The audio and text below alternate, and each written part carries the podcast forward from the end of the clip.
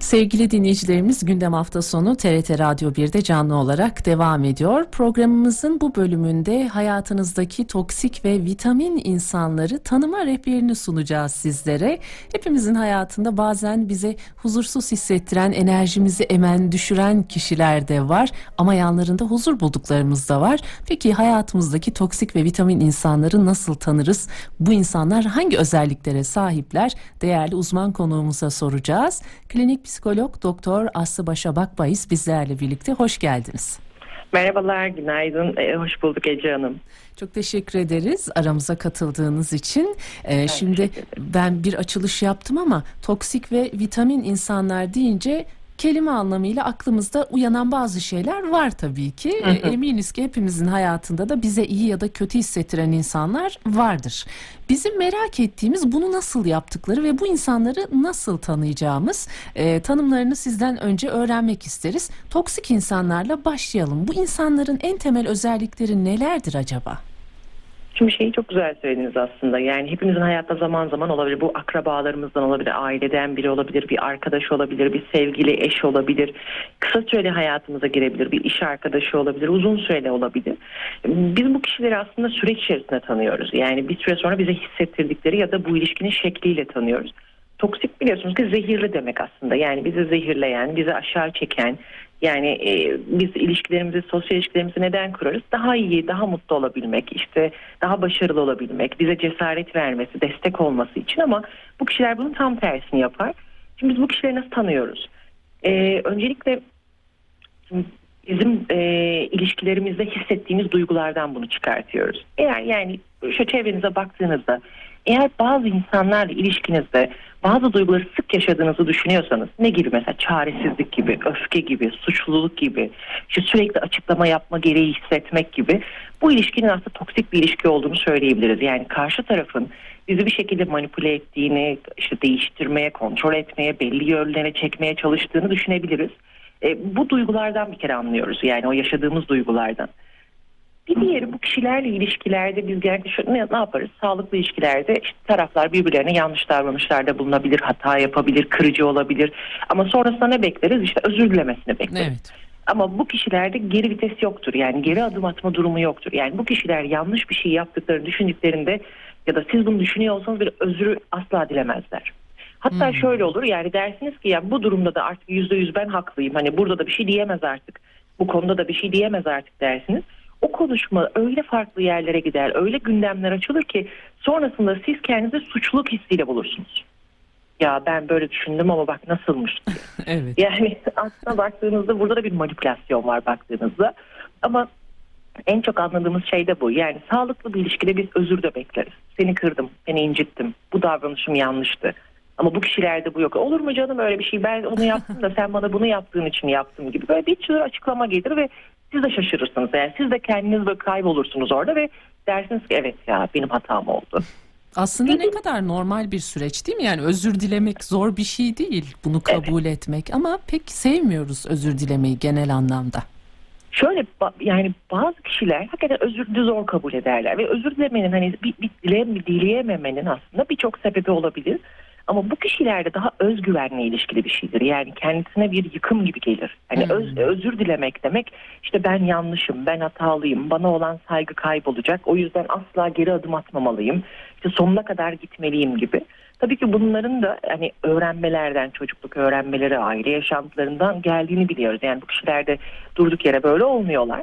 Ama hani bir şekilde onların ihtiyaçlarına özür dilememek iyi geliyor ama karşıdakinin ihtiyacına iyi gelmiyor. Hmm, nasıl bir ailede yetiştikleri, belki iletişimi nasıl öğrendikleri bile önemli değil mi bu noktada? Kesinlikle. Yani aslına baktığımızda e, biz daha çok eksen 2 diyoruz toksik kişilere. Yani bu ne demek? E, işte e, daha ilişkilerde sorun yaşayan, daha ilişkilerde işte zarar görebileceğini düşünüyor olabilir, yalnız olduğunu düşünebilir, kimseye güvenmemesi gerektiğini düşünebilir.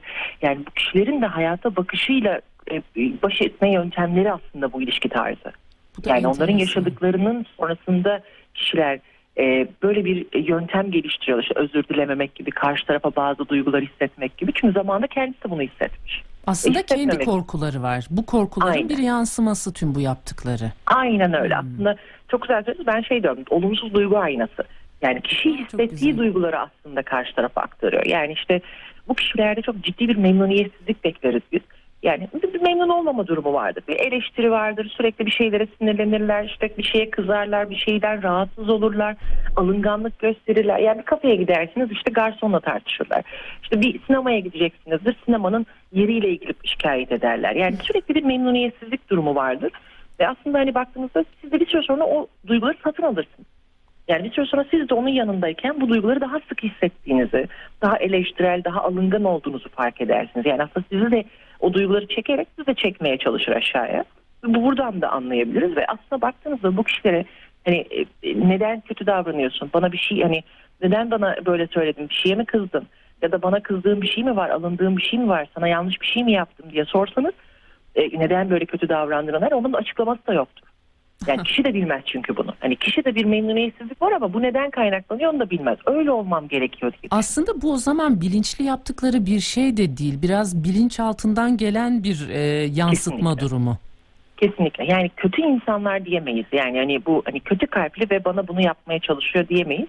Sadece hayatta öğrendikleriyle aldıkları, topladıkları bilgilerle böyle baş edebildikleri için kişi bunu yansıtıyor. Bunu Evet. söyleyebiliriz. Şimdi siz dediniz ya onlar olumsuz duygunun aynasıdır aslında. E, Belli bir zaman sonra biz de bu aynadan etkileniyoruz. Belki biz de dediğiniz gibi o duyguları kendimiz alıp bunu bir ayna olarak yansıtıyoruz karşımızdakine. Biz aynı şeyleri onlara yapmaya başladığımızda onlar bunu normal mi karşılıyor peki? Tabii onlar zaten ilişkinin doğasının bu olduğunu düşünüyor. Yani ilişkiler böyledir diye düşünüyor. O yüzden de siz aslında ona bunu yaptığınızda o kendini gerçekleştiren kehanet gibi düşünüyor. Yani gördün mü bak işte böyle olacağı belliydi. Evet, Zaten böyle olmasını bekliyordum gibi düşünüyor. çok O ilginç yüzden hani gerçekten. e, orada başka bir patolojiden bahsediyoruz. Çalışılması, konuşulması, çözülmesi gereken başka dinamiklerden bahsediyoruz. Ve bir ilişkide hani e, iki insanın e, sosyal ortamdaki bir ilişkisinde bunu düzeltmeye çalışması, bunu çözmeye çalışması çok zor. Yani bu ancak kişinin isteğiyle, e, kişinin e, talebiyle, çabasıyla çözülebilecek bir şey. Bir arkadaşın yardımıyla çözülebilecek bir şey. Hmm, bunu fark edip bir uzmana danışması gerekiyor ama şu bahsettiklerinizden yola çıkarsak bunun farkına varması da çok zor gibi. Çok zor, doğru. Yani ancak kişiler önemli hayattaki önemli kişilerle sorun yaşadığında işte bir, bir şekilde bu ilişkinin ilişkilerinde bir problem yaşadığını ya da hayatı yaşama şeklinde bir problem olduğunu fark ettiğinde kişiler ancak terapiye başvuruyor. Diyor ki ben mutlu değilim. Ben hayatımdan memnun değilim. Yani ortada bir şey yok ama ben memnun değilim. Ya da ben herkesle tartışıyorum, herkesle kavga ediyorum. Hani herkes benden uzaklaşıyor, yalnız hissediyorum. Ancak bu şikayetlerle geliyorlar aslında. Hani biraz daha dolaylı fark ederek geliyorlar. Az önce e, aslında kötü insanlar da diyemeyiz demiştiniz toksik insanlar için. E, e, tabii şu yönü de var. İyi ya da kötü insan olmanın dışında acaba toksik insanlarda farklı bazı psikolojik rahatsızlıkların olabildiğini de söylemek mümkün mü? Belki Çok doğru. kişilik bozuklukları gibi. Kesinlikle o yüzden kötü insanlar değildir, değildir diyorum. evet. Yani bu bir hastalık yani altında yatan işte kaygı olabilir, depresif bir durum olabilir, eksen 2 dediğimiz kişilik bozuklukları olabilir. Yani genellikle kişilik bozuklukları daha sık gördüğümüz bir şey bir şey durum oluyor bu durumda. O yüzden hani iyi insan kötü insan gibi değil. Bunun bir hastalık olduğunu düşünmek gerekiyor Evet. aslında. Aslında çok o, basite indirgiyoruz belki ama bana böyle davrandı ve kötü bir insan diyoruz ama belki onun da gerçekten geçmişinde büyük travmalar, psikolojik rahatsızlıkları var ve bunu yansıtıyor bize. Bu arada e, son dönemlerde çok konuşulan bir kavram var. Gaslighting, e, psikolojik manipülasyon Türkçesi. E, hatta Amerika'nın da e, en eski sözlük yayıncılarından biri yılın kelimesi olarak seçmiş. E, toksik insanların e, psikolojik manipülasyon yaptığını, gaslighting yaptığını da söyleyebilir miyiz o zaman? Biraz Kesinlikle. bağdaşan kavramlar değil mi bunlar? Kesinlikle bence çok güzel bir bağlantı kurdunuz. Yani bu kişiler tüm ilişkilerini zaten manipülasyona dayanır. Yani manipülasyon ne demek? Karşı tarafın beklediğimiz gibi davranmasını, yaklaşmasını, düşünmesini istemek. Aslında bu kişiler aslında bütün ilişkide işte siz ona hayır dediğinizde de bu hayırı kabul etmezler, ısrarcı olurlar, bir şekilde evete döndürürler. Siz işte aslında bir konuda farklı düşündüğünüzde de sizin düşüncenizin yanlış olduğunu, aslında kötü olduğunu e, ve farklı bir şey düşünmeniz gerektiğine yönlendirirler. Ya da işte bazı duyguları size yaşatarak da aslında manipülasyonla kontrol etmeye çalışırlar. Aslında bu kişilerin en temel özelliklerinden bir tanesi manipülasyon. Evet. Siz memnuniyetsizlik ve sürekli mutsuzluğun olduğunu söylemiştiniz toksik insanlarda. Şimdi bazı insanların da e, enerjisi daha düşük olabiliyor. Kimi daha enerjiktir, girdiği her ortamda parlar. Bu konunun onunla çok ilgisi yok değil mi e, Sayın Başabak? Belki onu da belirtmemiz gerekiyor. Yok yani e, her memnuniyetsiz olan kişi ya da her depresif olan kişi toksik ilişki diyemeyiz ya da her kaygılı kişiye toksik kişi diyemeyiz. Hı, evet. Daha çok aslında farklı yani bir süreç boyunca yani bir ilişkinin başından sonuna siz bu, bunu yoğun olarak hissediyorsanız evet o bir toksik kişidir. Ama bazen arkadaşlarımızın dosta ihtiyacı vardır. Bir şeyleri anlatmaya ihtiyacı vardır. Bazen insanların çok keyifli olmadığı için sessiz kalmaya ihtiyacı vardır. Bu dönemlerdir ve arkadaşlık bunu aslında gerektirir. Yani bu, bu dönemleri birlikte geçirmeyi gerektirir. Tabii ki. Ama e, ben hep şeyi söylerim yani sağlıklı ilişkide aldığımız kadar verebiliyor olmak önemli. Ya ama bu şu demek değil. İki defa ben aradım, iki defa sen aradın değil. Ben eğer değerli hissetmek ya da işte güven hissi verebiliyorsam o da bana sevgi ve şefkati verebiliyorum. Yani benim ihtiyacım olanı verip ben ona ihtiyacı olanı verebiliyor muyum? Aldıklarım ve verdiklerimin aynı olması.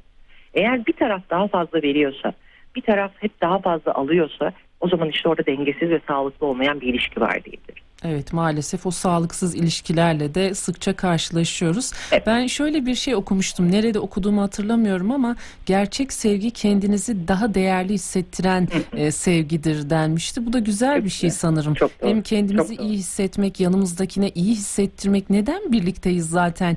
E, aile ilişkilerinde de öyle, e, romantik ilişkilerde de böyle daha birlikte iyi olabilmek için aslında bir araya geliyoruz. Şimdi toksik insanlara çok vakit ayırdık. Biraz da vitamin insanlardan bahsedelim mi? Onlar nasıl özellikler gösteriyorlar? aslında sağlıklı ilişki dediğimiz, vitamin ilişki dediğimiz yani bu kişiler aslında ihtiyaçlarınızı gözetirler. İsteklerinizi, ihtiyaçlarınızı, duygularınızı önemserler. Bir kaygınız olduğunda bu kaygıyı önemsememe aman boş ver bunda da üzülecek ne var ya da buna kaygılanacak ne var demezler. Hakikaten oturur sizinle uğraşırlar, sizi dinlerler, size iyi hissetmeniz için çabalarlar. Hayatta bir adım atmak istediğinizde bu konuda sizi desteklerler, cesaret verirler yani ihtiyacınız olan o cesareti verirler. Empati becerileri yüksektir bir kere. Ve hani e, dinleme becerileri yüksektir iletişimde. Açık iletişimdelerdir. Yani nedir? Kendileri de neyden hoşlandığını, hoşlanmadığını söyler. Sizin de söylemenizi bekler ve söylediğinizde de hakikaten oturup konuşup bir uzlaşmaya varırlar.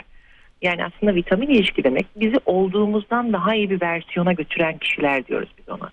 Yani ben iyiyim ama beni daha iyi yapacak kişiler benim vitamin kişilerimdir.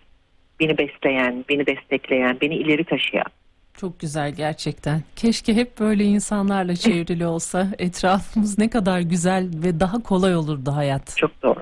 Aslında baktığınızda sosyal ilişkinin anlamı budur aslında. Sosyal destek. Yani hayatı daha tatlı kılmak, hayatı daha güzel kılmak, daha neşeli, daha eğlenceli, daha keyifli kılmak. Şimdi bu son dönemlerde pandemiydi, oydu buydu derken çok stresli dönemler geçiriyoruz ve bir de ilişkilerde bu kaotik şeylere girdiğimizde, süreçlere girdiğimizde daha da yıpranıyoruz. Ve hayat memnuniyetimiz düşüyor, e, psikolojik sıkıntılar artmaya başlıyor. O yüzden daha çevremizdeki insanları seçerken bu kişi bu özelliklere göre yani benim ihtiyaçlarıma ne kadar gözetiyor, benim sınırlarıma ne kadar saygı duyuyor, benim isteklerime ne kadar saygı duyuyor, ben bu kişinin isteklerine ne kadar saygı duyuyorum. Yani biraz daha hem aldığım hem verdiğime bakıyor olmak daha ılımlı ilişkiler, daha keyifli ilişkiler yaşamamızı sağlayacak diye düşünüyorum Ece. Kesinlikle. Empati becerileri ve e, iletişim becerileri çok yüksek olur demiştiniz vitamin insanların. Şunu da düşündüm. Bir yandan da e, muhakeme yetenekleri daha yüksek ya da bir şeyleri şöyle bir süzgeçten e, geçirmiş insanlar gibi geldi bana. Doğru mu acaba? Yani baktığınızda şimdi biz toksik insanlar daha kıskançlık duygularının daha şey bekleriz, e, fazla olduğunu bekleriz. Yani siz başarı elde ettiğinizde bu kişiler sizi kıskanabilirler, bunu bir meydan okuma gibi görebilirler. Kendisine yapılan bir e, yetersizlik mesajı gibi görebilirler. Ama bu vitamin insanlar bunlardan gurur duyarlar. Yani arkadaşınızın başarısıyla gurur duyuyorsanız, arkadaşınızın başarısında ya da onun attığı adımlarda onun adına seviniyorsanız bu hakikaten e, sizin e, iyi bir arkadaş olduğunuzu, vitamin insan diye tanımlayacak olursak da bu kişi olduğunuzu gösteriyor. İşte bunun için de aslında empati, e, özgüven, yani bunun için özgüven gerekiyor. Hani ben kendime güvenmem gerekiyor ki bir başka birinin başarısının beni tehdit etmediğini düşüneyim. Evet. Aksi evet. takdirde o, o başarı beni tehdit ediyor olacak. Eyvah o yaptı ben yapamadım. Bir, Eyvah o benden daha iyi gibi bir kaygı Hmm. ortaya çıkıyor olacak. bir de şöyle bir durum var. Şimdi yanındaki insan iyi ya da kötü olsun e, vitamin insanlar her zaman ona destek olabilen kişiler gibi anlattığınız kadarıyla. Şöyle bir durum da var o zaman. İnsanların nasıl olması gerektiğine dair bir beklentileri de yok. Yani insanı değiştirmeye çalışmadan onu olduğu gibi kabul etme durumu da var vitamin insanlarda. Kesinlikle. Kesinlikle. Yani aslında vitamin insan dediğimiz olması gereken, sağlıklı ilişkide olması gereken kişi demek. Hani bizim de karşımızdakinin de aslında hani o e, birbirimizi değiştirmeden tabii ki uygun olmayan yerleri ifade ederek, hoşumuza gitmeyen yerleri belirterek, e, o sınırlarımızı koruyarak ama değiştirmeden olduğu gibi. Örnek veriyorum işte benim arkadaşım e, diyelim ki ben her buluşmamıza işte yarım saat bekliyorum onu. Şimdi bu insanın eğer diğer alanlarda bana e, işte aldıkları ve verdikleri denkse, bu kişinin bana verdiği güven, değer, şefkat duygusu iyiyse ve sadece bu özelliği varsa ben derim ki bu davranıştan hoşlanmıyorum. Ama kendimi de ona göre ayarlarım. Derim ki ben de geç çıkayım o zaman. Ya da bu kişiyle işte görüşmemeye karar veririm ya da en kötü senaryoda. Ama baktığınızda eğer ben bir şeye rağmen e, karşı tarafı değiştirmeye çalışıyorsam bu özelliğiyle işte bunu nasıl yaparsın sen nasıl bunu yaparsın işte ben kaç zamandır bekliyorum hiç mi değer vermiyorsun işte o zaman e, bu ilişki bana zarar veriyor olacak yani hem sınırlarımı korumuyor olmak hem karşı tarafın değiştiremeyeceği bir şeyi değiştirmesi için çabalıyor olmak hem de onu değiştiremediğim için öfkeleniyor olmak bana zarar veriyor olacak. Hmm, evet aslında yine biz zarar görüyoruz neticede. Aynen. Aynen. O yüzden ben hep şeyi öneriyorum. Yani karşımızdaki ilişkinin kim olduğunu, ne olduğunu düşünmeden bütün ilişkilerde aslında bireysel sınırlarımızı korumamız gerektiğini düşünüyorum. Yani bireysel sınırdan kastettiğim şu. Ben ne istiyorum? Bana ne iyi geliyor? Bu Kesinlikle. yaptığım şey benim ne kadar ihtiyacım? Ya da bu yaptığım şeyin bana bir zararı var mı? Ben bu zararı göze alabilir miyim? Yani bütün ilişkilerde aslında daha bu, bu başlıklar üzerinden yani bu değerlendirme kriterleri üzerinden gittiğimizde anne baba ilişkisi dahil olmak üzere sınırları koruyabildiğimizde biz ve açık ifade ettiğimizde o sınır ihlalleri olduğunda bunu net bir şekilde ifade ettiğimizde açık bir şekilde ifade ettiğimizde çok daha huzurlu ilişkiler kuruyoruz. Evet ve bu sınırları koruma mevzusunu genelde e, kötü tecrübeler yaşadıktan sonra biz yapabiliyoruz. Aklımız da o zaman başımıza geliyor. O da genelde böyle bir belli bir yaş sonrası zannediyorum fark ettiğimiz bir şey. Şöyle oluyor aslında canım. Yani biz Türk toplumu olarak çok sınırları, bireysel sınırlarımız yok. Hatta bireysel sınırlar bizde kötü gibi de düşünülebiliyor. Yani Evet. işte daha grup halinde karar vermeler, işte hani çocuğun hangi okula gideceğinden, üniversiteye gideceğinden, hangi mesleği seçeceğinden tutun da işte kiminle evleneceğine kadar aslında biz Türk toplumu olarak birlikte karar vermeyi seviyoruz genel olarak yani Evet. baktığımızda. E, böyle olunca işte o sınırlar kayboluyor ama aslında sınır nedir? Hani kişi gelecekte hangi mesleği yapmak istiyorum? Bunu hangi okula giderek yapmak istiyorum? Ben hayatımı kimle birleştirmek istiyorum? Kimle mutlu olacağımı düşünüyorum? Hangi işte e, şehirde yaşamak istiyorum? Bunların hepsinin aslında kendisinin karar vermesi gerekir. Şimdi böyle olunca biz hani o sınırların olmaması gerektiği ya da sınır kavramını bilmeden başlıyoruz hayata. Maalesef, maalesef. E, ve hani o sizin belli bir yaştan sonra belli deneyimlerden sonra dediğinizde de kişi diyor ki ya bir dakika böyle olmuyor artık. Bir olgunlaşmaya geçiyor. Yani artık Evet. o sınırı koruyamamanın verdiği bir zararı görüyor ve sonra diyor ki ben biraz daha kendimi korumaya çalışacağım. Kendi alanımı belirtmeye Evet. Ve ondan Sayın sonra Başamak, sınırları Evet sonrasında da ama aa ne oldu da değişti bir anda gibi bir tepkiyle karşılaşabiliyoruz. Çok o doğru. da bambaşka bir konu başka bir programımızın Çok doğru. konusu olsun isterseniz. Tabii ki. Tabii Süremizin ki, de evet, evet. sonuna ulaştık. Çok teşekkür ederiz bizimle Ben birlikte olduğunuz Çok için. keyifli bir sohbetti. Çok teşekkür ediyorum. Sağ İyi hafta sonları diliyorum herkese. Size de çok teşekkür ederiz. Hoşçakalın. Hoşça kalın. Görüşmek üzere. Evet klinik psikolog doktor Aslı Başa Bakbayis'le birlikteydik.